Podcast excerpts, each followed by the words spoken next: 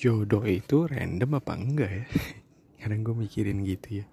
Ya it's random thought sih. Tapi kadang mikir jadi sebetulnya random atau enggak sih?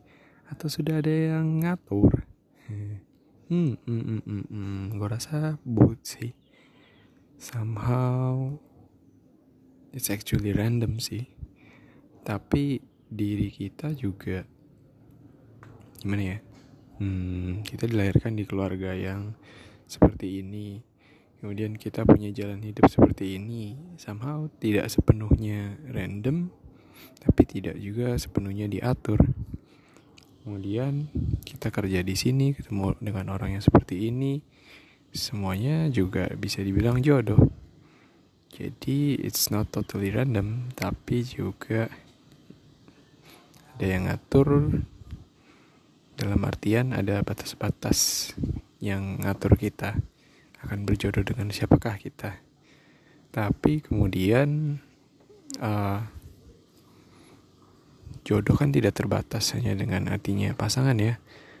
Namun kemudian kalau dengan pasangan apakah jodoh itu ada yang ngatur? Hmm.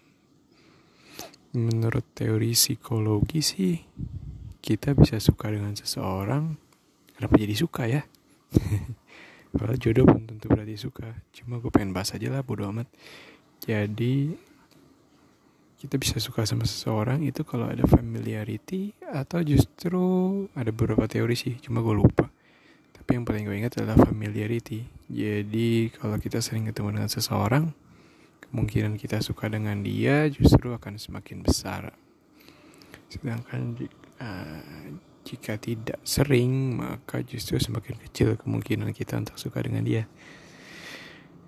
Dan kita cenderung suka dengan orang yang punya apa? spesifikasi kali ya. spesifikasi yang kurang lebih sama dengan kita. Tidak bisa terlalu tinggi, tidak bisa terlalu rendah. Bisa sih bisa, cuma biasanya susah apalagi dengan yang lebih rendah. Tidak ingin membeda-bedakan manusia sih, tapi tetap aja pasti ada perbedaan kan. Kita nggak bisa menutup mata juga. So, menurut kalian jodoh kalian random atau tidak? Percayakan dengan kata-kata kalau jodoh pasti nggak ke mana.